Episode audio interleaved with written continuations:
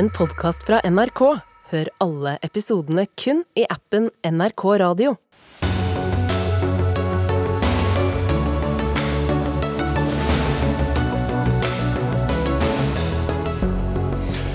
Kraftige reaksjoner etter avsløringen om at PST hadde blitt varslet om et mulig angrep før skytingen i Oslo i fjor sommer. Vi føler oss ikke trygge, sier Oslo Pride. Kongen må fortsatt bekjenne seg til den kristne tro etter at stortingsflertallet i går stemte ned et grunnlovsforslag. Men debatten den fortsetter i Dagsnytt 18. Hvem skal eie Karasjok? Rettssak kan endre Finnmark for alltid varsler politisk redaktør. Og Dysleksi Norge vil ha nasjonal standard for skoler i Norge, og mener elever i dag må ha flaks for å få den hjelpen de trenger. Dette er eh, Dagsnytt 18 på fredag den 13. Jeg heter Espen Aas. Og vi starter sendingen med spørsmålet kunne skytingen i Oslo 25.6 i fjor vært unngått? Spørsmålet er stilt av mange det siste døgnet etter VGs oppsiktsvekkende oppslag i går om at PST var orientert om mulig angrep før de fatale skuddene falt. Der to personer ble drept og 24 skadd utenfor to utesteder i Oslo sentrum. Assisterende PST-sjef Hedvig Mo, har du et klart svar på det spørsmålet nå? Kunne det vært unngått? Et sånt eh, terrorangrep kunne vært unngått hvis vi levde i en politistat, der vi hadde mer eh, overvåkning av innbyggerne våre og en lavere terskel for at PST kan følge enkeltpersoner. Eh, om det kunne og burde vært unngått nå, i den situasjonen vi står, står i i vårt liberale demokrati i dag, det tenker jeg er et litt mer komplisert spørsmål. Eh, og Så er det jo et evalueringsutvalg som skal ta stilling til det nå i løpet av våren. Mm. Men Hvor konkret var den informasjonen som dere fikk fra Etterretningstjenesten? Vi fikk informasjon om et uh, mulig terrorangrep. Um, vi la til grunn at det ville være i Norge. Vi visste ikke hvor i Norge. Vi kjente ikke til uh, tid eller sted her da, hvor tid det eventuelt skulle skje. Om det var neste uke eller fire måneder seinere. Uh, hvem som eventuelt skulle utføre det og heller ikke hvordan det skulle bli utført, altså hva våpen man eventuelt ville bruke. Så ikke så mye konkret informasjon, men, men, vi vurderte det som eh, et reelt og alvorlig varsel, og jobba med det for å prøve å finne ut av mer rundt det, da, som eventuelt kunne gi grunnlag for å sette i verk noen tiltak fra vår side, eller varsle om det til andre. Mm. Med terrorberedskapen og med 22.07.2011 fortsatt friskt i minne, tar man varsler alvorlig nok? Jeg skjønner godt at man stiller det spørsmålet nå. og Vi i PST mener at det er et veldig riktig spørsmål å stille òg nå. og Det er jo òg en del av det å skulle være en liberal rettsstat. At vi spør oss om sikkerhetstjenesten, altså vi og andre aktører gjorde det vi burde og skulle i den eh, situasjonen. Ehm, så er det jo en del av bildet for oss at vi får egentlig eh, mange meldinger med terrorbekymringer som våre folk sitter og jobber med egentlig daglig og skal vurdere da er det reelt, er det alvorlig, skal vi jobbe videre med det? Er det grunnlag for å f.eks.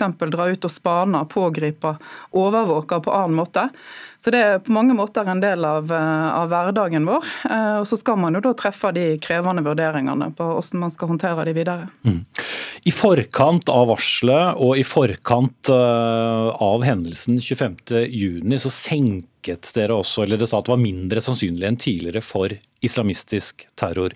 Nordens største arrangement for skeive skulle avholdes, og en eh, mann, Arfan Bhatti, som er nå involvert i den aktuelle saken, hadde også endret et profilbilde der et pride-flagg var å se sammen med et forbudsskilt på sosiale medier. Alt dette er lett å sette i sammenheng nå, selvsagt, men var den trusselvurderingen da godt fundert. Når en av Norges mest kjente islamister også hadde vært åpent, eh, åpent på sosiale medier eh, med dette flagget. Ja, Det er flere spørsmål egentlig det du tar opp der. For å ta det siste først, så er det jo for så vidt òg en del av bildet det er spørsmål om uh, hvor tid vi hadde de ulike delene av informasjonsbildet som du nå refererer til.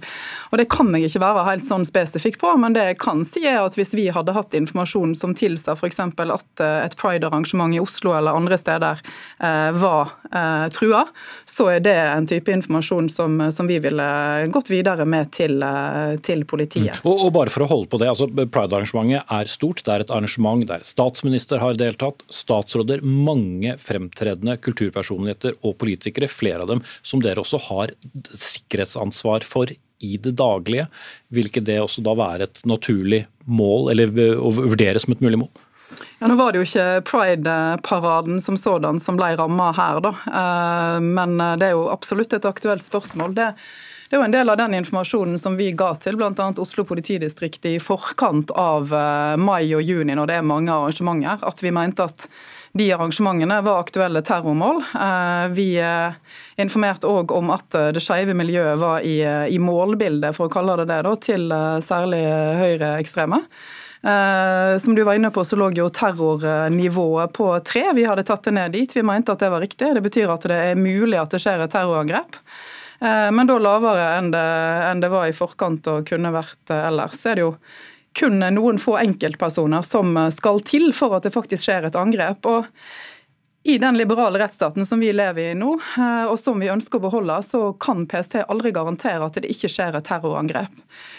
Men så er det jo sånn at vi tenker jo på det i den situasjonen som vi sto i etter angrepet, at uavhengig av om vi kunne eller burde gjort noe annerledes, så er det absolutt noe som har, har prega organisasjonen vår og folka våre. For vi kjenner jo på det at vi har ikke klart å hindre et terrorangrep. Uavhengig av om det var vår feil og om vi burde gjort noe annerledes, så er det likevel noe som, som er en alvorlig situasjon for oss. da. Når du jobber i en sikkerhetstjeneste, så er det akkurat den situasjonen du er Men, men når det er jobben deres, har dere ikke da begått en feil? Nei, Vi kan aldri garantere at det ikke skjer et, et terrorangrep. Det kan vi ikke. Men, men, det er viktig for oss at vi, både vi da, og dette evalueringsutvalget tar stilling til om vi burde ha gjort noe annerledes. Hvis vi kommer fram til det. Og hvis de kommer fram til det, så er jo det noe som, eh, som vi vil, eh, vil, endre på. For det må jo fremstå som en feilvurdering når man da senker nivået for uh, islamistisk terror, og så er det nettopp det som til syvende og skjer? Ja, Selv om det vil være sånn at vi sier det er mulig at et terrorangrep skjer, så, så kan det jo faktisk finne sted. Vi kan ikke garantere at det ikke vil skje.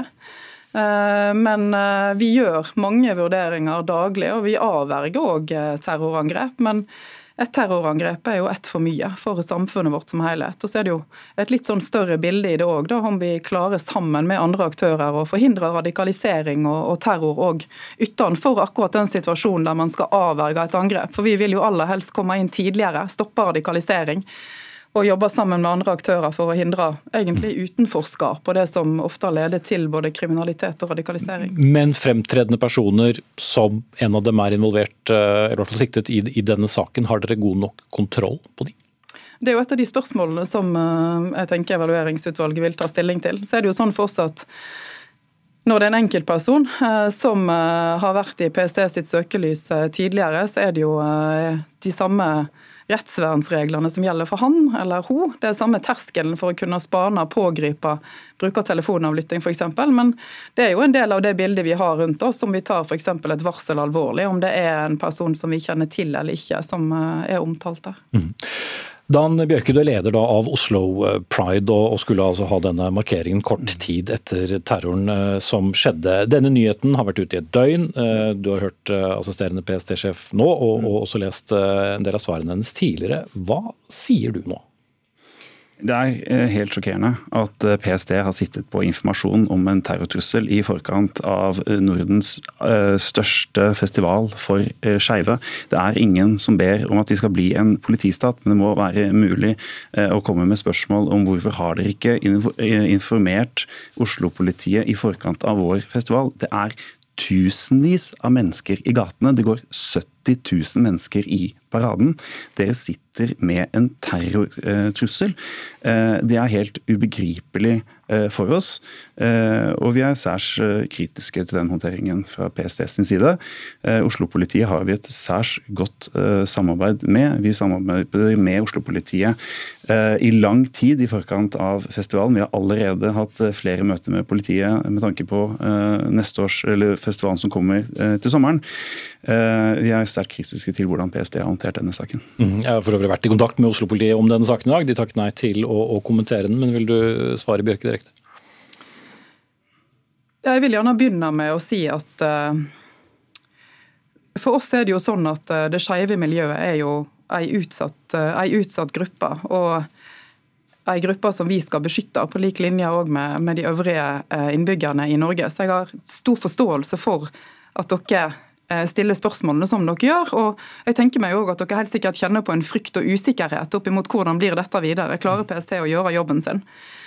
Eh, det skjønner jeg, og selv om jeg ikke kan, kan garantere som jeg sa, at ikke det skjer terrorangrep, så vil jeg gjerne få, få sagt det at vi, vi ønsker å, eh, og vil gjøre alt vi kan for å unngå det framover. Og så tenker jeg at en ting som jeg i hvert fall mener at vi bør bli bedre på, det er å eh, formidle bedre de litt mer sånn generelle trusselvurderingene som jeg var inne på. Hvem som er f.eks. i målbildet til, til ekstreme. Mm um, snakke mer med dere og andre utsatte grupper, og være mer tilgjengelige for å både kommunisere med dere og formidle ting på en bedre måte. For det er noe av det som vi har snakka om eh, internt hos oss, at det er ikke vi gode nok på.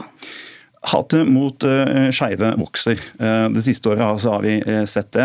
Kommentarfeltene i sosiale medier er fullt av hat mot skeive. vi har et enormt behov for at samfunnet går sammen under Oslo Pride til sommeren og, gir et felles kraftig signal som Oslo Pride står for. Vi vil ha et samfunn der folk kan være seg selv, elske den de ønsker å elske, og for mangfold. og folk må kunne føle seg trygge Eh, for å kunne delta i den markeringen. Og Der har dere en stor jobb foran dere eh, for å bygge den tilliten. Eh, det er helt avgjørende fremover. Men Hvordan vil du beskrive den tilliten nå, og hva skal til for at den gjenopprettes? Eh, nå er det veldig mange som stiller spørsmål. Eh, og eh, svarene på de spørsmålene er jo det som kan bygge den tilliten fremover. Og det er viktig, fordi nå planleggingen til festivalen er jo allerede i gang. Det engasjeres. Næringslivet er engasjert i det. Idretten ønsker å være med oss. Kulturorganisasjoner, akademia. Vi samler et massivt antall, eller store deler av samfunnet engasjerer seg for å kunne være med og gi det signalet om hvilket samfunn vi ønsker å ha. Eh, og det er viktig. Nå har vi hatt to år med pandemi, ett år med trussel. Vi har ikke gått i den paraden. Eh, vi er helt avhengig av at PST svarer godt på disse spørsmålene, bygger opp tilliten, sånn at folk føler seg trygge og kan delta i den markeringen. Mm. Hanne Skartveit, politisk redaktør i VG. Hvis ikke sikkerhetstjenesten skal beskytte oss, hvem skal da beskytte oss? Hva slags tillitsutfordring, eventuelt krise, er det PST nå står i? Jeg er jo helt avhengig av at sikkerhetstjenestene våre fungerer, både PST og Etterretningstjenesten og andre aktører. Og Det som er det avgjørende med i denne saken, er at vi må få vite hvor konkret var trusselbildet forut for natt til 25.6. Hva visste man? Eh, PST sier jo på sin side at det var ikke konkret nok til at de kunne få domstolsavgjørelse på å ta tvangsmidler, type overvåking, avlytting, og at det var for mange til at de kunne spane på alle sammen. Eh, det er veldig rart, syns jeg, at Oslo-politiet ikke ble informert. Det avhenger også da hvor konkret trusselen var, så det er veldig mange ubesvarte spørsmål her. Og så syns jeg det er veldig bra at Hedvig Moe og PST er såpass åpne. Altså Åpenhet er jo nøkkelen til tillit i denne sammenhengen. Eh, men det jo fremstår jo litt rart f.eks. når da eh, Etterretningen sier at de har gitt all relevant informasjon til PST. PST sier at de har ikke fått alt de ønsket eller fått alt som var tilgjengelig. Det virker som det er en slags mistillit, eller i hvert fall at det er en slags uoverensstemmelse mellom disse to tjenestene, og det er noe vi ikke kan leve med. Mo. Ehm, det vi har sagt, eh, er at ehm, for å få en oversikt over hvilken informasjon som ble gitt oss fra Etterretningstjenesten, så må man spørre Etterretningstjenesten, for det er de som er eier av den eh, informasjonen. Ehm, når vi sa at vi ikke hadde nok informasjon til å kunne gå ut og varsle, så er det jo fordi at vi nettopp ikke hadde informasjon om tid, sted, personer eh, og tidsperspektiv og sånt. For for vår del så blir det vanskelig å sette politiet f.eks. i en situasjon der vi sier at her er det informasjon om et mulig terrorangrep. Vi vet ikke hvor i landet. Vi vet ikke om det er en fotballkamp eller en konsert eller hva det er for noe som kan bli ramma. Vi vet ikke om det skjer i neste uke eller om fire måneder. Eh, hadde vi som jeg sa, visst at f.eks. Pride-arrangementet var målet, og at det skulle da nødvendigvis skje i løpet av kort tid, så hadde det stilt oss i en annen situasjon. Men Så dere er, så dere har ikke, dere er ikke bevisste på at det skeive er i målbildet, som du nettopp sa i starten av debatten? Definitivt. Vi, og vi skal arrangere Nordens største markering, eh, festival for skeive i Oslo seks dager etter at dette trusselet kommer til dere. Ja, vi hadde jo sagt ifra om at vi mente at arrangementer som bl.a. Pride definitivt var i målbildet til, til terroristene. På det tidspunktet, altså før angrepet, så hadde ikke vi informasjon om at det var en konkret trussel opp imot Pride som sådan. Det hadde vi ikke. Jeg tror det er for tidlig å felle noen dommer over hva som gikk galt, om noe gikk galt, om dette kunne vært avverget. Eh, som Mo sier, vi kan aldri ha noen garanti mot terror, men det jeg tror er helt avgjørende også for å gjenopprette tilliten til de skeive miljøene, er at vi får vite alt som er mulig å få vite om hvordan trusselbildet faktisk var forut for dette. Hva man gjorde, hvem som visste hva, og om vi har tjenester som fungerer godt sammen, eller om det fortsatt er slik som Gjørv-kommisjonen pekte på i sin tid i 2012, ressurser som ikke finner hverandre. Mm. For vi har jo da disse elleve årene som har gått fra sist gang vi hadde en, eh, en, en lang, eh, omfattende runde på, på terrorberedskapen eh, i Norge. Må vi nå ha den samme runden? Vi må i hvert fall ha en skikkelig gransking. for Det var jo så mange såkalte læringspunkter etter Gjørv-kommisjonen som man skulle lære av å ta opp i seg. og Hvis det fortsatt er ting som ikke fungerer når det gjelder ressurser som må finne hverandre i kritiske situasjoner og for å forebygge kriser, ja da er det mange som har en jobb å gjøre. Mm. Det har jo vært mange, mange spørsmål. Hva, hva, sier du til dem som både var ofre og, og pårørende etter 25.6.2022? Helt uavhengig av om vi eh, kunne eller burde gjort noe eh, annerledes, er jeg fryktelig lei meg for at det har skjedd et terrorangrep i Norge. Et terrorangrep eh, er ett for mye, og det er en av våre hovedoppgaver i PST å skulle forhindre det. Så vi kjenner på alvoret i den situasjonen. og det var jeg som hadde vakt den natta angrepet fant sted, og det var meg de ringte. Og uten at jeg tror at det på noen måter bringer de, de døde tilbake eller bidrar direkte inn i sorgen, så er det jo et spørsmål som jeg og vi har stilt oss utrolig mange ganger de siste månedene, om vi både kunne og burde ha gjort noe annerledes. Så vi skal som, jobbe videre for å prøve å, å bli enda bedre. Mm. Som assisterende PST-sjef og som den som altså var på, på vakt, eh, hva slags eh, inntrykk gjør denne saken på deg nå? Det gjør veldig sterkt inntrykk på meg. Det er en, for oss en alvorlig situasjon. Jeg eh, syns det er et kjennetegn ved rettsstaten òg at vi nettopp stiller disse spørsmålene, og at vi prøver å svare på det vi kan, og at det blir en debatt rundt det. Vi vil være så åpne som vi kan være. Eh, og vi vil forsøke å bygge den tilliten som, som Bjørke her eh, etterlyser.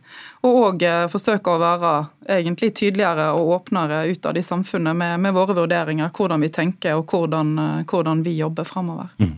Og beredt på å ta de konsekvensene som måtte komme. Vi har et ansvar som sikkerhetstjeneste, og det skal vi holde fast i. Ok, Takk skal du ha. Hedvig Moe, assisterende PST-sjef, Dan Bjørke fra Oslo Pride og Hanne Skartveit, politisk redaktør i BG.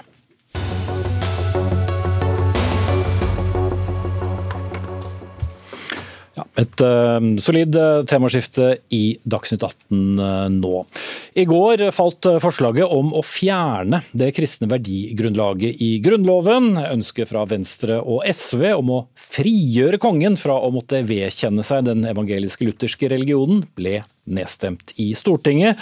Dette har bl.a. avisen Vårt Land skrevet om, og dermed er fortsatt kong Harald grunnlovsmessig bundet til hvilken religion han skal tro på, og det samme gjelder for arvingen, kronprins Haakon. Ingvild Wetterhus Thorsvik, justispolitisk talsperson på Stortinget fra Venstre. Hvorfor er det så viktig å fjerne denne grunnlovparagraf fire om kongens bekjennelsesplikt? Så Det er jo en av de grunnlovsparagrafene som vi har foreslått endra, som da omhandler eh, at Kirken nevnes spesifikt i Grunnloven.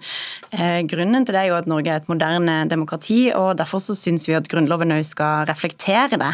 Eh, at Kirka fortsatt er en så stor del av så mange grunnlovsbestemmelser, det rimer, rimer dårlig med det mangfoldige samfunnet som Norge er. Altså Det skal være et samfunn hvor man likebehandler religioner, hvor alle skal kunne vedkjenne seg det verdidokumentet som Grunnloven faktisk er.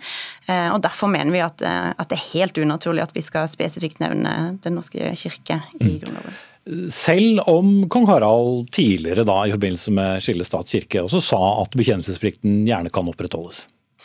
Eh, det, var jo kanskje spesielt i seg selv eh, at kongen jo gikk ut og, gjorde det. altså Hans oppgave var jo å beskytte Grunnloven, ikke å være med og bestemme hvordan den skal se ut. Og så er det jo sånn at eh, Kongefamilien burde jo også skulle ha religionsfrihet. og eh, Det er jo en arverekkefølge etter kongen også, så selv om han personlig definerer seg inn for, kirka nå, så, så, er det ikke nødvendigvis sånn i framtida.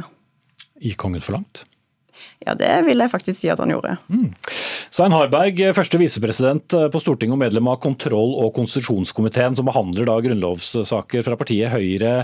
Hvorfor er det ikke på tide i 2023 å kunne gi kongen trosfrihet på linje med alle andre? Ja, Vi i Høyre har jo et litt annet utgangspunkt enn Ingvild Wetrhus Thorsvik fra Venstre. For de er ikke så glad i monarkiet og kongehuset. Vi er det. Eh, og Det var ikke bare eh, tilfeldig at dette ble værende i Grunnloven når vi gjennomførte stat-kirke-forliket, altså skillet mellom kirke og staten, og revisjon av Grunnloven i 2014. Det var fordi at kongehuset uttrykte at de ønsket at det skulle være der. Så har ikke de vedtatt noe. De har ikke verken gått for kort eller for langt. De har uttrykt sin mening og når de har blitt utfordret på det. Og så har Stortinget, et solid, solid flertall på Stortinget har bestemt at den skal være med, for det var det et ønske om. Men Stortinget er lovgivende forsamling, så hva en konge ytrer eller ikke, bør det ha noen innvirkning? Nei, det, det skal ikke direkte påvirke resultatet. Men vi gjør jo sånn i alle saker som vi behandler på Stortinget. Så hører vi òg med de det gjelder. I dette tilfellet kongehuset, men vi hører med andre i andre saker. Og så tar vi det med oss når vi tar en avgjørelse. Så, altså- og sammen med hele det grunnlaget som ligger i Grunnloven eh, fremdeles, og som heller ikke går var i nærheten av å få støtte at den skulle fjerne. Nemlig at vi har en lang tradisjon, vi har en lang arv med Den norske kirke som folkekirke. Og da, da er det ikke unaturlig at også kongen forholder seg til det. Altså For det første så handler jo ikke dette om en, en debatt om, om monarki. Eh, og så håper jeg jo ikke at det var sånn at eh, Høyre sitt standpunkt ble lagt ut ifra eh, kongens mening i denne saken. For dette handler jo om at staten ikke skal ha noen mening om hvilken religion eller hvilket livssyn som er best eller mest riktig. Eh, det handler òg om at eh, man skal kunne vedkjenne seg de verdiene som framgår av Grunnloven, uavhengig av hvilken religion man tilhører. Vi har så mange gode verdier i Norge som sier noe om hvem vi er som nasjon. altså eh, Demokrati, likhet, rettsstatsprinsippet.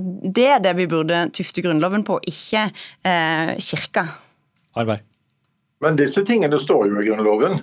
Så det er ikke sånn at de ikke står der. Og det står òg helt uttrykkelig uttalt at enhver er fri til å utøve sin religion og alle tros- og livssynssamfunn. Men, men, likevel så skal Norge være tuftet på et kristent verdigrunnlag. og Hvorfor må det fortsatt være en del av Grunnloven?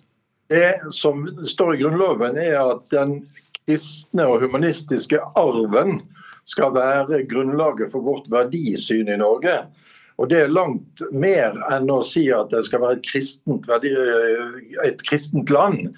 Fordi at det er jo noe med den måten dette landet er bygd opp, og hvilke prinsipper det er bygd opp på, og de ønsker et solid flertall å videreføre.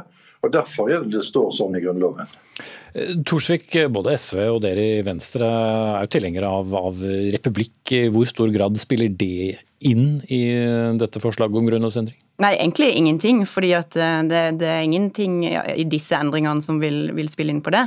Eh, utover at eh, kongefamilien da vil stå fritt til hvilken religion de eller livssyn de eventuelt vil definere seg inn i. Eh, og så er det jo den samme bestemmelsen som, som Svein viser til her, altså med at alle innbyggere i riket har fri religionsutøvelse, er jo i den samme bestemmelsen hvor man viser til at Den norske kirke, en evangelsk-luthersk kirke, forblir Norges folkekirke og understøttes som sådan av staten. man kan ikke komme bort fra at så lenge det står i Grunnloven, så har vi ikke et reelt skille mellom stat og kirke. Enig i det, Harberg? Men, Ja, Det er jo en ting som en hopper over her, og slik var det i debatten i går òg. Det å være en folkekirke betyr altså et oppdrag. Det betyr at en skal være til stede i hele landet.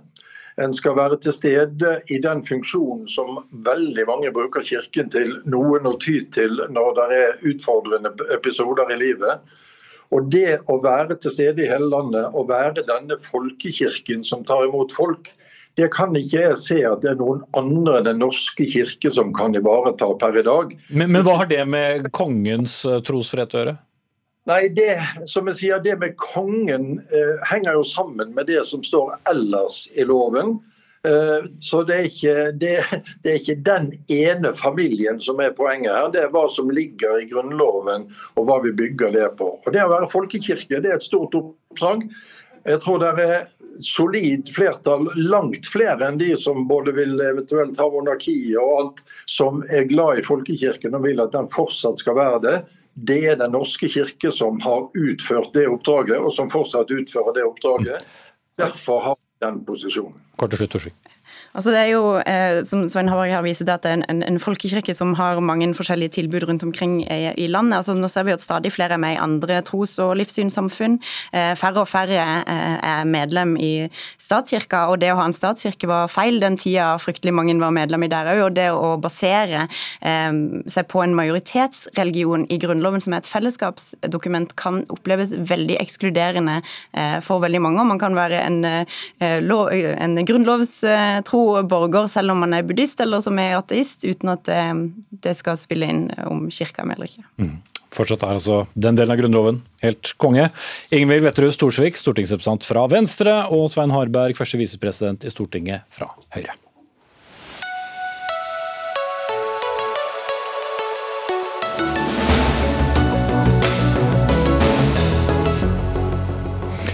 Mer uh, politikk. SV krever en nasjonal oppussingsplan etter at det ble kjent at 800 norske skolebygg er i kritisk dårlig forfatning. Flere steder mangler f.eks.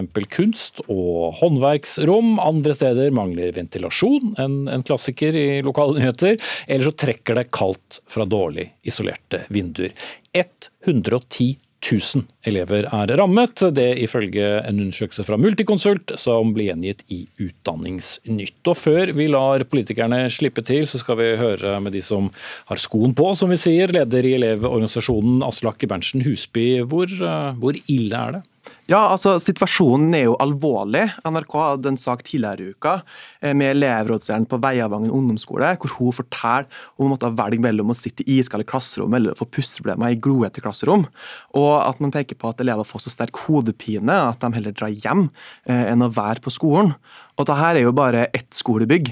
Eh, eh, multikonsultrapporten peker jo på 800, så det er jo et stort problem. Og vi i Elevensen er svært skuffa, for dette er ikke et problem som er særlig nytt for oss. Vi har tatt opp denne problemstillinga med hver regjering og hvert stortingsflertall siden vi ble stifta i 1999. Og på 2000-tallet har vi også kjørt kampanjer på det, men vi har jo opptatt av flere regjeringer har stått mer støtt på sitt standpunkt om å ikke løse problemet, mm. enn flere altså her skolebyggerne faktisk har gjort. Men uh, grunnskolen er jo da kommunal. Uh, lytter ikke kommunene heller når elever, og sikkert også lærere som har dette som arbeidsmiljø, sier fra? Altså, jeg er ganske sikker på at absolutt alle kommuner i Norge har lyst til å ha eh, friende skolebygg som er moderne og fungerer. Problemet er at tilsynsordninga som skal sørge for at de her er i stand, den godkjennes jo også av kommunene. Så de får jo et økonomisk insentiv om å ha eh, falleferdige bygg, og da har vi flere eksempler på. Vi har jo f.eks. to skoler i Sandnes kommune, Trones og Stangeland, som har vurdert som falleferdige, men likevel er godkjent og tipp topp elever drar på de skolene den dag i dag. Og Dette setter jo et spesielt stort problem. der det er et svikt hos kommunene, men det er også et stort svikt hos regjeringen. Så, så, så det du sier er at det fungerer ikke at kommunen passe på seg selv når det gjelder skolebygg? Ja, De har ikke pengene til å gjøre det. Regjeringa har ikke satsa på å gi dem pengene, har ikke prioritert det. Eh, det var jo også det som kom frem i artikkelen NRK, eh, at man skal fokusere på ansvarlig økonomisk eh, styring. Men problemet her er at man bryter arbeidsmiljøloven, og det er ikke ansvarlig økonomisk styring. Det er bare uansvarlig. Mm. Fred André Øvsgaard, stortingspolitiker fra SV. Det er jo mange lover som spiller inn her, også da arbeidsmiljølov. Og kommuner har nå selvstyre. Skal man da måtte overstyre kommunene?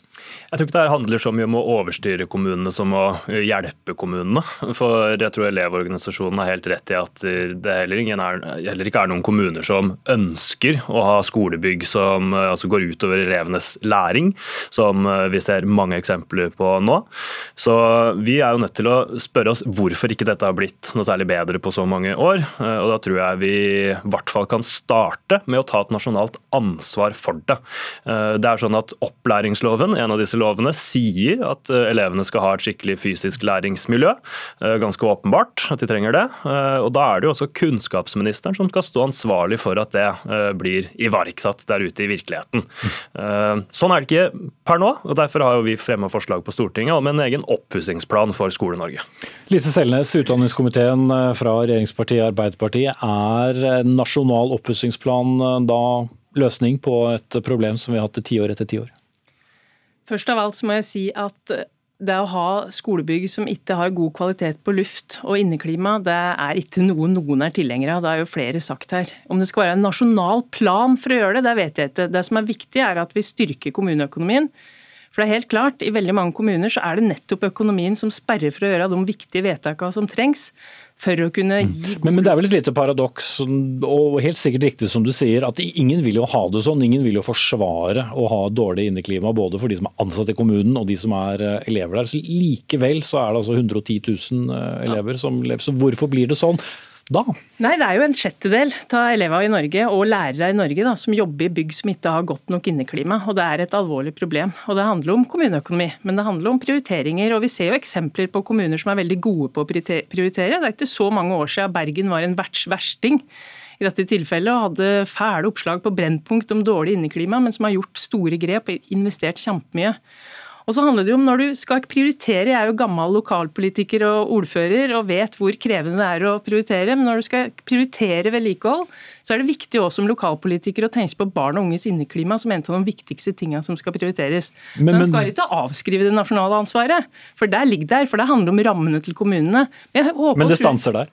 Nei. Så vi har gitt penger, så da ja, ja, var det dere som gjorde feil? Ja, vi hadde, jo, vi hadde, jo, tidligere det som kalles rentekompensasjonsordning da, til kommunene, som ga mulighet til å slippe utgiftene til renter dersom kommuner gjorde de investeringene som trengtes. Mm. Ja, For å kunne få gratis lån, da. ja, gra omtrent et gratis lån. Men der fjerna jo eh, høyreregjeringa. Eh, forrige regjeringa fjerna det, og det mm. står i Hurdalsplattformen De har vært ute av regjeringskontorene over et år. De har det, og det står i Hurdalsplattformen at vi ønsker å innføre det, og det må vi jobbe med framover som en av de insentivene mm. som kan bedre det.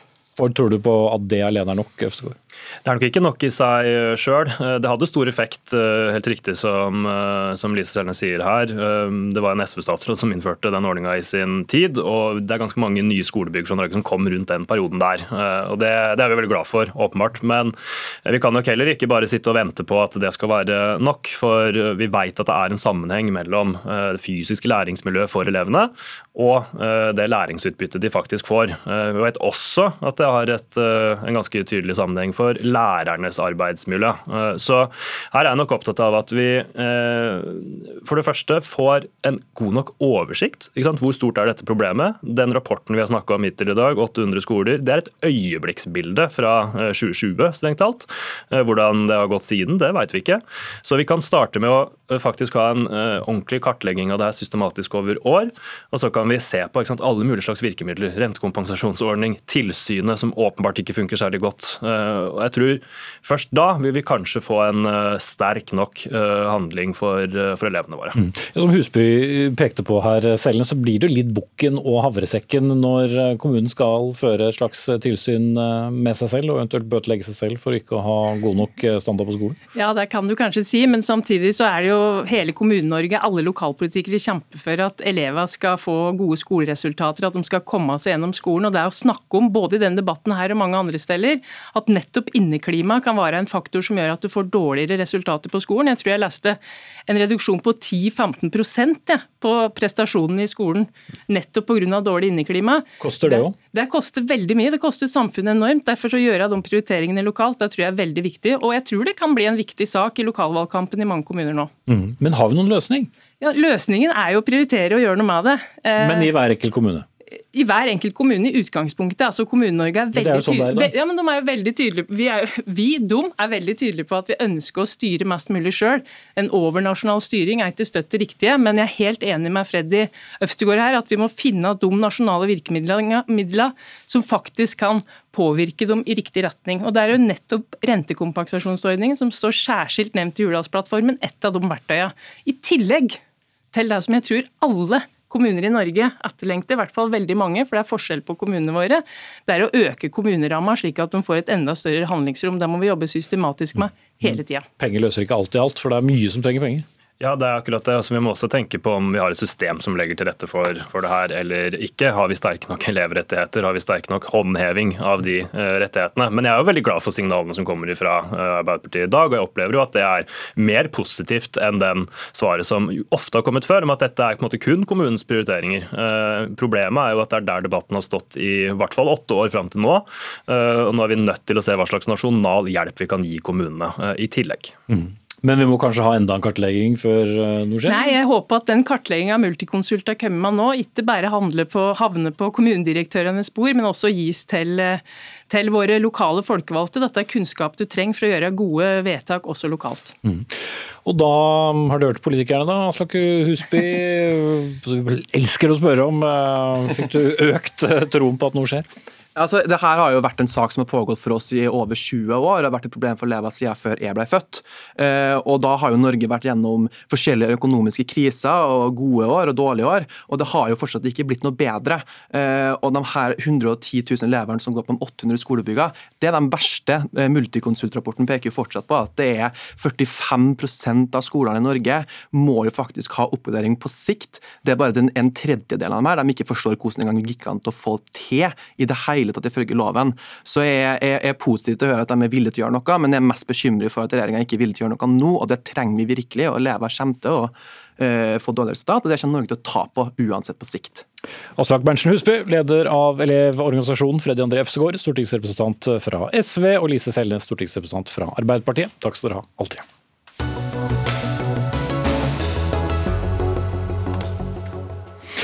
Hvem eier egentlig Karasjok? Ja, denne uken startet rettssaken som skal avgjøre nettopp det. Og nå får jeg be dere der hjemme spisse ørene for å få med dere litt av historikken og grunnlaget her.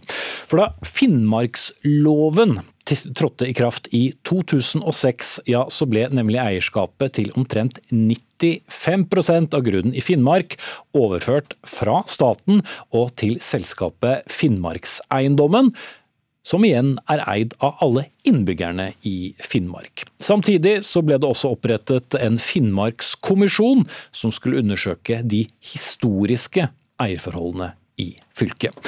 Og nettopp Finnmarkskommisjonen har konkludert med at Karasjok tilhører kommunens innbyggere, altså ikke Finnmarkseiendommen. Men det er sistnevnte uenig i, og nå møter selskapet lokale grupper i rettssalen for å avgjøre nettopp hvem eier Karasjok. Og denne saken kan endre Finnmark for alltid, har du skrevet i en kommentar i egen avis Nordlys Skjalg Fjellheim, da du er politisk redaktør. Endres for alltid på hvilken måte? Ja, altså Finnmarksloven er jo en briljant idé. Det er på mange måter noe av det fineste det norske demokratiet har skapt. De to største partiene, Høyre og Arbeiderpartiet, gikk sammen for 17-18 år siden og, og sørget for at nasjonalstaten overlot hele Finnmark til alle de som bor i, i dette fylket. Og staten sa, Nasjonalstaten sa at nå skal dere forvalte dette i fellesskap.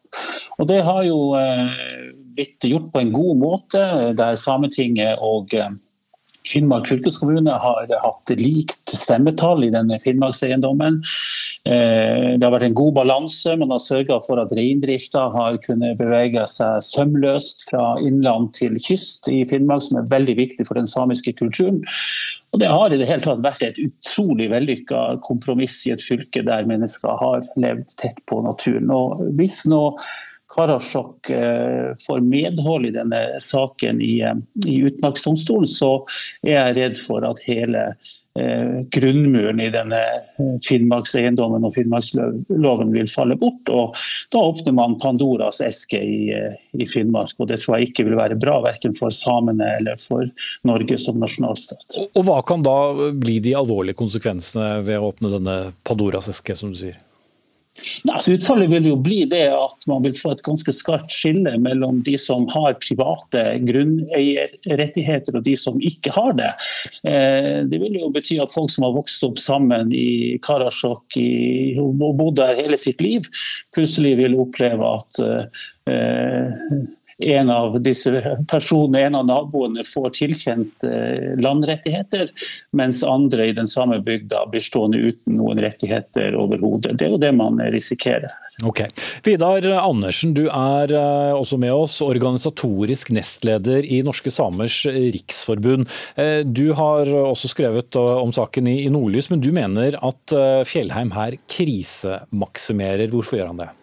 Ja, først og fremst for meg, for, for meg så, eller for oss er det jo det er jo en rettssak, eh, som ellers rettssaker i, i, i rettsstaten Norge. Eh, og, og, retts, eh, og, her bruker man da Finnmarksloven som utgangspunkt eh, for muligheten for at det skal bli rettssak. Altså, det, det handler ikke om om, om, det Fjellheim mener i sin artikkel om sikkerhetspolitikk, og At eh, det, det skapes masse uro. Eh, at eh, man trenger litt ro i Finnmark, som, som, som man også tar opp. Og at Finnmark kan være på vei til et konfliktnivå. Altså man, har, man, man, man, skaper en, en usikkerhet. Altså man skaper en u, unødvendig usikkerhet eh, i noe som egentlig er, er, rett og slett en helt vanlig rettssak i en rettsstat. Men hvis vi går på det praktiske her, da, Andersen, slik som det har blitt da forvaltet siden eh, Finnmarksloven eh, trådte i kraft, har det vært problematisk? Ja, det, jeg kjenner ikke til akkurat om det har vært problematisk, men eh, loven har en, et kapittel hvor Eh, hvor, man, eh, hvor Finnmarkskommisjonen skulle granske de resterende Altså skulle finne ut eh, hvilke, mm, hvilken type områder som folk eier.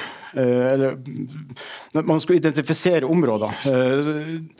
Så, så om det har vært Egentlig så er det litt sånn mm, om hvorvidt noe er uproblematisk eller ikke, det er litt sånn utenom det her. Det handler om at man har rettigheter til å gå til rettssak eh, og, og, og, fremme sak for Finnmarkskommisjonen.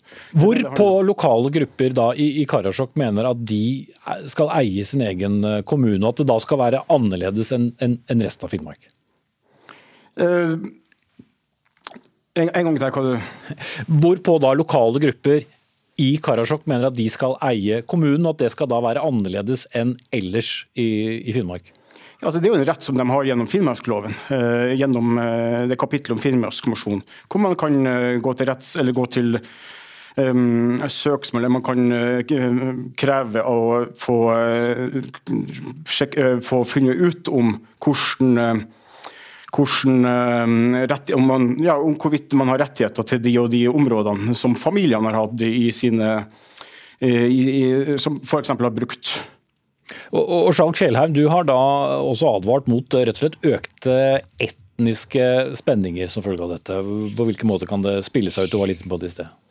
Ja, For noen dager siden så kunne man lese i avisa Klassekampen at en samisk eh, rettighetsorganisasjon, som er ledet av en tidligere, tidligere leder i Norske Samers Riksforbund, der Vidar Andersen i dag er en del av ledelsen, han eh, var ute og, og mente at man burde skape en ny samisk grunneiendom i, i de samiske kjerneområdene Karasjok, Kautokeino og Tana, og der han da tar til orde for at eh, man kaller dette ikke for sameland, og at ikke-samer da skal integreres språklig og kulturelt i, i, dette området. Og Det tror jeg er en litt skummel vei å gå i, eh, i en del av Norge der det tidligere har vært ganske skarpe spenninger eh, mellom ulike etnisiteter. og Det vil i hvert fall ikke bidra til å skape ro i denne delen av Norge. Det er jeg ganske trygg på. Vidar Andersen. Nei, altså det, det, som er skummelt, er at man eh, Det skumle i det her er, handler ikke om, om selve eh, Eller det handler om at man stopper stoppe det prosess, altså man må la de prosessene gå. Det er menneskerettighetene, det er samiske rettigheter som er viktige i denne saken. her, og Det skumle, skumle er jo egentlig eh, motsatt det som Skjalg Fjellheim eh, forsøker å, å, å, å, la Finnmark være et område hvor det er veldig masse konflikter. Og at de konfliktene kan føre til eh, sikkerhetspolitiske spenninger. Og at man, Russland kan misbruke det, misbruke det, det er jo helt det, det har Jeg har ikke tatt tid til å ta den, den biten av det nå. Det er også blitt, blitt nevnt i, i nevnte artikkel. Vi er ved, ved veis ende for denne diskusjonen. Eired Skjalg Fjellheim fra Nordlys og Vidar Andersen fra Norske Samers Riksforbund. Men det spennende blir altså utfallet i rettssalen. Takk skal dere ha begge to.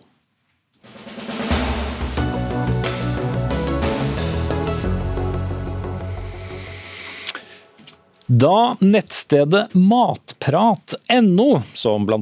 er finansiert av norske kjøtt- og eggproduserende bønder, skrev i Nasjonen at de hadde Norges største samling av vegetarretter, ja, da ble det blodig alvor og bråk. Og en som var med å lage bråk, det var deg, Hanne Lene Dahlgren. Du har skrevet vegetariske kokebøker, er samfunnsdebattant og det som kalles en bærekraftsprofil. Og du kalte det for et ord vi ikke hører så ofte, tror jeg, vegetarvasking. Ja. Hva skjedde? Nei, altså, det er jo som du påpeker, Matrat er jo eid av den norske bonden, egentlig. De finansieres av salg av kjøtt og egg. Og når de påstår at de er Norges også største vegetariske nettsted, når det absolutt ikke medfører riktighet, de er ikke engang på pallen, det er kanskje ti nettsteder som jeg i hvert fall har oversikt over, som er større enn de, da betyr det at de altså Det er jo noe som heter grønnvasking, og dette er vegetarvasking. De prøver å kle på seg en drakt om at de er veldig vegetarvennlige. noe de Eh, ikke er i mine øyne, i hvert fall. Og i hvert fall ikke en av Norges største nettsteder på det. Ja, Katrine Lekang, seniorrådgiver for bærekraftig matproduksjon i, i, Matprat. Eh, med så mange kjøttoppskrifter som dere også har, eh, var ikke det en litt rar merkelapp å gi seg selv? Jo, og der har vi lagt oss helt flat allerede første kvelden som den kronikken fra Hanne Lene kom ut. Uh, og så vil jeg bare punktere at Hovedpoenget vårt i den kronikken i Nasjonen som hun viser til, den, det, det, var jo ikke at vi var Norges uh, største vegetarnettsted, som vi ikke har noen intensjon med å være, og som vi ikke er. Uh, men at det heller var bærekraftig matproduksjon. Men hvordan havnet dere der da? Nei, Det kom inn i en bisetning så, som vi har lagt oss som sagt helt flat for. Vi beklager det. Vi har ikke Norges største samling av vegetaroppskrifter. Men det jeg lurer på da, når du sier at dere har lagt dere helt flat, eh, dere har, så vidt jeg har sett, i hvert fall, bare kommentert på min Instagram, altså Hanne Lenes vegetar, mm. eh, i en liten, liksom, et kommentarfelt som ikke er så veldig synlig for nasjonens lesere, da, hvor denne påstanden fremdeles står i dette debattinnlegget. Har dere sendt inn til Nasjonen og sagt at dette skal vi endre? Har dere poeng, liksom, korrigert det i eh, kommentarfeltet på Facebook, hvor det var 900 kommentarer på denne saken, og veldig mye personhets av meg, fordi at jeg tydeligvis er ute og lyver om dere. Har, har dere vært der? For der har ikke jeg sett dere. Ja, nå var jo din kronikk da ute på onsdag, og som sagt så er det bare fredag i dag. og Det tar jo ofte litt lengre tid, alt det redaksjonelle arbeidet med å få inn en eh, motsvarskronikk. Eh, og i tillegg når denne her blir videre delt på andre plattformer du har på, på Switch og LinkedIn og Facebook, mm. så er det jo vanskelig for oss å følge opp på alle de. Vår jobb er jo på en måte ikke å følge Eh, det du deler i sosiale medier. Nei, men dere kunne jo, kunne jo, bedt Nasjonen endre det innlegget som medfører riktighet, da. Men, ja, men, absolutt. Ja. Mm. Men, men, men, eh, Dahlgren, utover ja. at du har en åpenbar egen interesse her selv, eh, med, med oppskrifter og til stede på mange sosiale medier. Nå har de jo sagt at de tok feil, hvorfor ikke da legge saken død? Nei, Det kan vi godt gjøre hvis de går ut og faktisk eh, sier at de tok feil i de mediene som denne sannheten fremdeles verserer. Eh, det trenger du ikke gjøre på LinkedIn, men det kan du gjøre i Nasjonen, som er Norges landbruksavis. og Der står det fremdeles dette som medfører uriktighet. Men så var det jo ikke bare denne tingen i denne artikkelen. Det var jo flere ting der som jeg reagerte på, som jeg mener at medfører veldig uriktighet. Som og, og da var det f.eks. at det står kostrådet om rødt kjøtt er faktisk det rådet flest følger, sier Matprat. Og det er deres deres egen kronikk, så de er ikke feilsitert. Eh, og Det er jo en veldig misledende måte å snakke om kostrådene på. fordi at Kostrådene de sier at man skal begrense inntak av rødt kjøtt til maksimalt 500 gram i uken. Det betyr ikke at det er et råd om å spise 500 gram kjøtt i uken. Og Hvis vi sammenligner det med et annet uh, næringsmiddel, f.eks. Uh, vin, da, hvis man skal kalle det et næringsmiddel, så sier jo Helsedirektoratet at du skal drikke eller maksimalt én enhet per dag. Det betyr jo ikke at det er et råd fra helsemyndighetene at du skal det. Og Der syns jeg de blander litt sånn epler og pærer i sin kommunikasjon. Og dette gjør de til stadighet, ikke bare i den debatten der. For de sier at det er et kostråd. Mens du kaller dem for kjøttbransjens reklamekontor. Det er riktig. Eh, ja, Når det gjelder det, det, med at vi mener at det er det rådet flest følger, så viser vi det til Norcos sin undersøkelse, hvor de hadde en eh, spørreundersøkelse på hvilke råd kvinner og menn følger av de ulike om de spiser nok frukt og grønt, om de holder seg under den grensen på 500 gram kjøtt i uka osv. Og, da var det det rådet som flest kryssa av på at de faktisk fulgte. Så det her er vist til en tidligere rapport som ikke kommer fra vår, men fra Helsedirektoratet. Ja da, Men det er jo også semantikk, da, for da, da legger man jo opp til at man følger et råd om å spise, men det finnes ikke et kostråd om å spise kjøtt. Det finnes bare et kostråd om å begrense mengden. Det finnes kostråd om å spise fem om dagen, det finnes kostråd om å spise to ganger fisk i uken, men det er ikke mengdeanbefaling på kjøtt, og det vet jo dere også. Ikke sant? Eh, ja, men vi mener jo at og Helsedirektoratet også eh, omtaler kjøtt som en sunn råvare som opptil 500 gram, og som kan være en godt tilskudd på både proteiner, jern og ulike andre næringsstoffer i et balansert kosthold. Ja, men... Det er jo ikke sånn at vi mener at man ikke skal øke frukt og grønt, men vi mener at det trenger ikke å gå på bekostning av andre, råvarer i, eh, andre sunne råvarer i kostholdet. Nei, Men så sier dere da i samme artikkel at kjøttforbruket i Norge er usunt høyt. Det er en sterkt feilaktig feilaktig påstand. Når vi vet at vi spiser over maksgrensen, som Helsedirektoratet har sagt, og i rapporten som dere selv linker til fra Helsedirektoratet, så sier de at samfunnskostnaden relatert til nordmenns konsum av rødt kjøtt, altså helsekostnaden av det, og bearbeidet kjøtt utgjør 30 millioner kroner i året. Så her også syns jeg dere liksom cherrypicker de eh, argumentene og vrir de litt, grann, så man kan ikke si at de er konkret feil, men det gir et inntrykk av Nå må jeg få svare. Ja.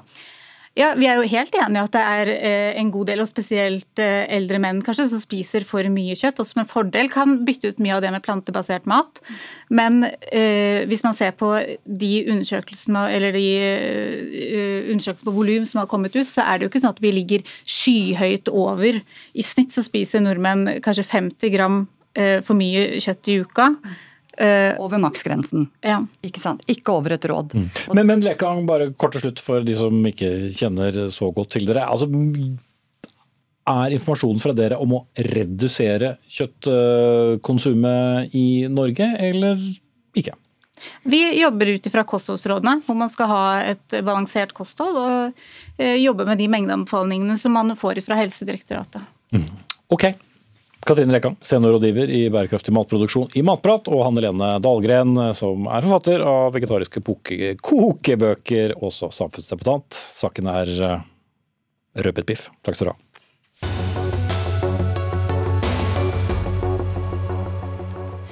Og til slutt i Dagsnytt 18 om å få hjelp på skolen. Mange fikk med seg historien her i NRK sist helg om Storm fra Halden. En av eh, over 10 000 elever som gikk ut av barneskolen uten å kunne lese og forstå enkle tekster.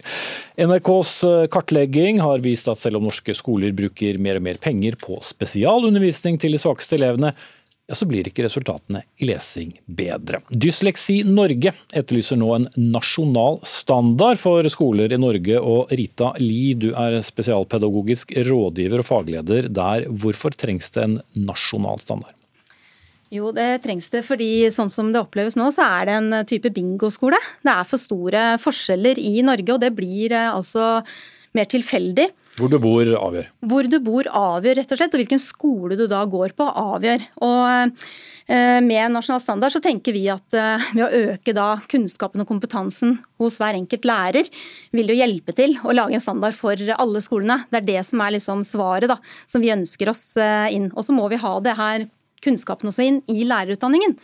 Så at lærerne kommer eh, ut fra utdanninga og kan noe om disse tre vanskeområdene som vi representerer, som er lese- og skrivevansker og matematikkvansker og språkvansker. Mm. Men hvis det også skal følges da opp i, i, alle skoler, blir det ikke en ytterligere byråkratisering og kanskje også tid som blir brukt til annet enn undervisning?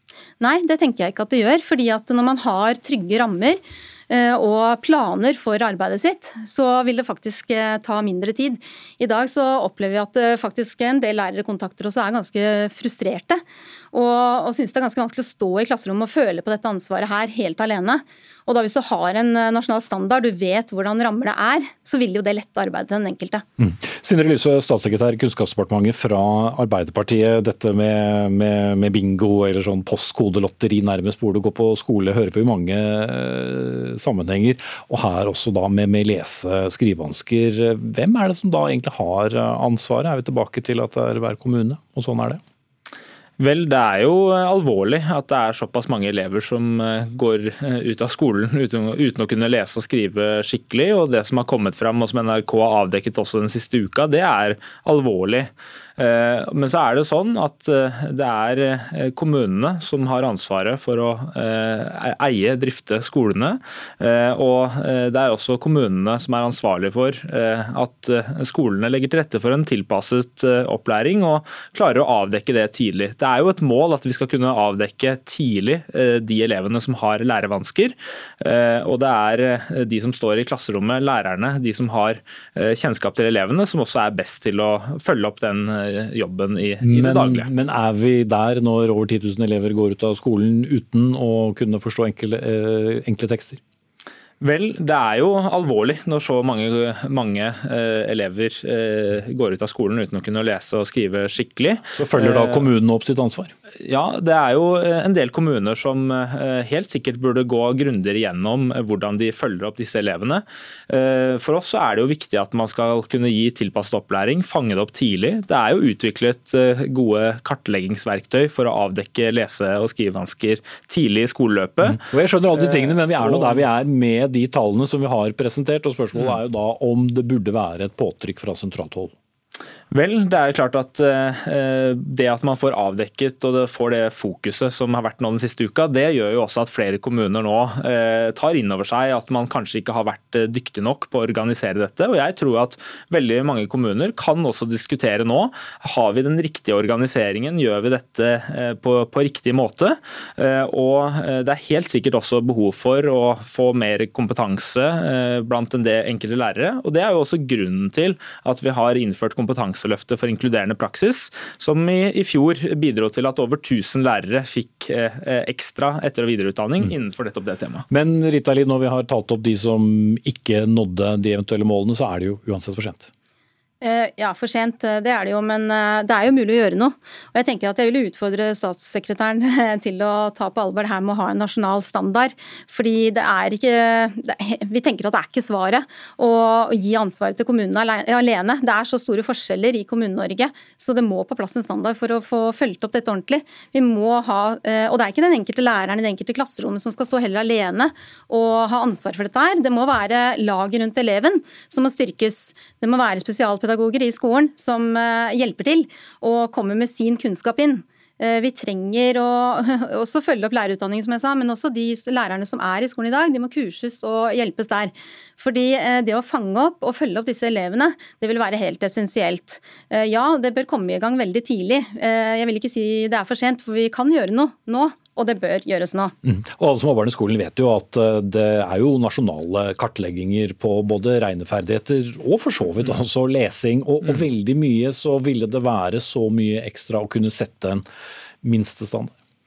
Vel, Kravet er jo at man skal kunne følge opp hver enkelt elev og gi tilpasset opplæring. og Det forventer vi jo at man gjør uansett. og Det finnes jo også veldig mange gode eksempler på kommuner som håndterer dette godt. Eh, og jeg tror Det hjelper jo ikke de som ikke gjør det. Nei, eh, og derfor er det viktig at kommunene nå bruker tid og krefter på å finne ut hvordan man kan organisere dette best mulig. Eh, vi har jo noen nasjonale verktøy, eh, f.eks. lærerutdanningene. De har vi også styrket de siste årene. Og alle som går ut av lærerutdanningen i dag, har også grundig kompetanse på hvordan man skal avdekke lærevansker. Men Hva er problematisk da med nasjonal standard som Dysleksiforbundet foreslår? Det som er utfordrende med det, er jo det at kommuner er veldig forskjellige. Det er forskjellig hvordan man organiserer skolene. Det er forskjellig hva slags lag som er rundt elevene, og man har også ulike elever. Og Derfor så er det viktig at det er kommunene som er ansvarlig for å følge opp dette og organisere det på gode måter. Så er det alvorlig når man ser at det er for mange som ikke får den oppfølgingen de bør ha. Men det er sånn vi har valgt å organisere det, og det er det som bidrar til, til best mulig tilpasning lokalt. Og sånn blir det kort og slutt, Ritt Erling? Hva sa du? Og sånn blir det visst også. Ja, ok, gjør det det. Eh, men eh, rekker jeg å si at opplæringsloven som er på høring bør også styrkes, da? Dere har jo foreslått der å fjerne retten til utredning. Ja, da, du, du, rakk, du, rakk, å si det, men det var også alt. Rita Ling, spesialpedagogisk rådgiver i Dysleksi i Norge, statssekretær Sindre Lyse fra Kunnskapsdepartementet og Arbeiderpartiet. Og da rekker jeg i grunnen bare å si at ansvarlig for dagens sending var Gro Arneberg, Vegard Erstad hadde ansvaret for det tekniske, og jeg heter Espen Aas. Ny Dagsnytt 18 får dere over helgen. Takk for nå.